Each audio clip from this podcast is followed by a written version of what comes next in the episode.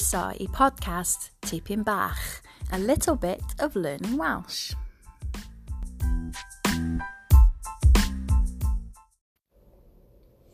Okay, so let's get started.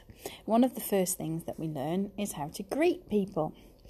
Um, yn y Gymraeg, da ni'n dweud hello, not hello. okay, so in English, the letter O is pronounced quite differently to the letter O in Welsh. Listen to the difference. O, or. O, or. So instead of hello, in Welsh we'd say hello. You try it. Say hello. It's really important that as soon as possible you get used to not sounding English when you say the letter O. You don't want to sound like you're speaking English. You want to sound like you're speaking Welsh. So the letter O is on the end of a lot of words in Welsh. Um, so you want to make sure that you say it with a nice open vowel or, not O. Let's try one more time.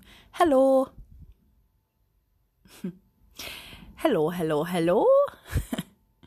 okay, so then we've got good morning, which is bore da. Bore da. In the afternoon, we say p'nawn da. P'nawn da. In the evening, we say noswaith dda. Noswaith dda. And at night time, to say good night, we say Nos da. Nos da. So bore da. Pnawn da. Noswaith. And nos da. Let's see if you can remember. How do we say hello in Welsh? Hello. Good morning. Bore da. Good afternoon. Pnawn da. Good evening. Noswaith dda. Good night. Da. A nice thing to add is the word cariad. It means love or like darling kind of thing. So um, maybe you could say Bore da cariad. Nos da cariad. It's good, isn't it? Right, so you can start calling people cariad and you can greet them. Okay, after greetings, the next thing that we learn is asking, How are you? Now, it's not quite as simple in Welsh as it is in English. In English, you just say, How are you? But in Welsh, it depends on who you're talking to. So if you're talking to one person in an informal way, so like a friend or a child or you know, someone in your family, then you would say Sut wyt ti? Try saying that. Sut wyt ti? Sut wyt ti? Sut okay, but if you're talking to more than one person or you're talking in a formal setting, maybe to a boss or an elderly person, or someone older than yourself at least. A way of showing respect or to show that there's, uh, you know, it's a plural, you're talking to more than one person, is to use chi.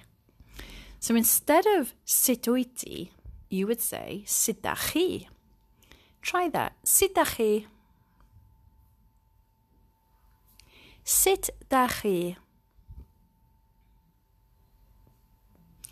So the two different questions are Sut wyt ti and Sut da chi. But they both mean how are you? We'll try them one more time. Sut wyt ti. Siddachi.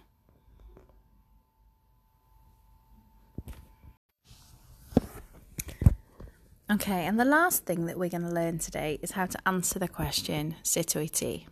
So, how are you feeling? If you're just feeling okay, then you would answer iawn. Iawn. Just means okay or fine. Iawn. If you're feeling quite good and you want to say very good, you would say da iawn. Da iawn. So we've got iawn and da iawn. So iawn is okay and da iawn means very good. If you're feeling brilliant, you might want to say bendy gedig. So ben di gedig. Bendy gedig. And again, bendigedig. Iawn. Da iawn. Bendigedig. How would you say that you feel okay? Iawn. What if you feel very good? Da iawn. And what if you feel brilliant or wonderful? Bendy Bendigedig. right, three more words. If you're feeling awful, terrible, then you would say ofnadwy. Try that. Ofnadwy. Ofnadwy. If you feel sick, you would say sal. Sal. And if you're tired, it's wedi blino. Wedi blino. So terrible is ofnadwy.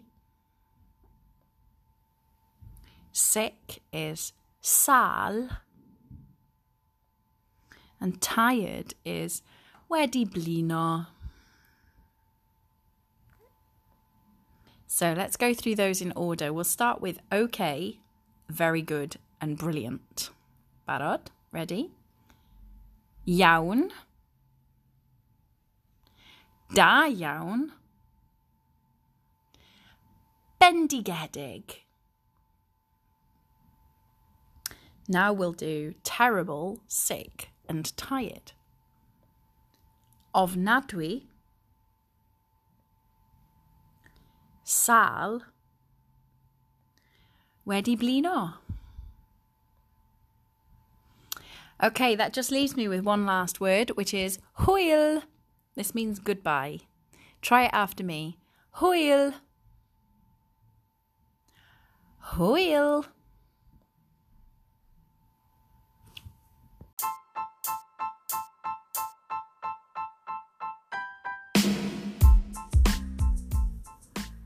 So there we go. There's your tipyn bach o ddysgu Cymraeg, your little bit of learning Welsh. Now remember to keep practicing.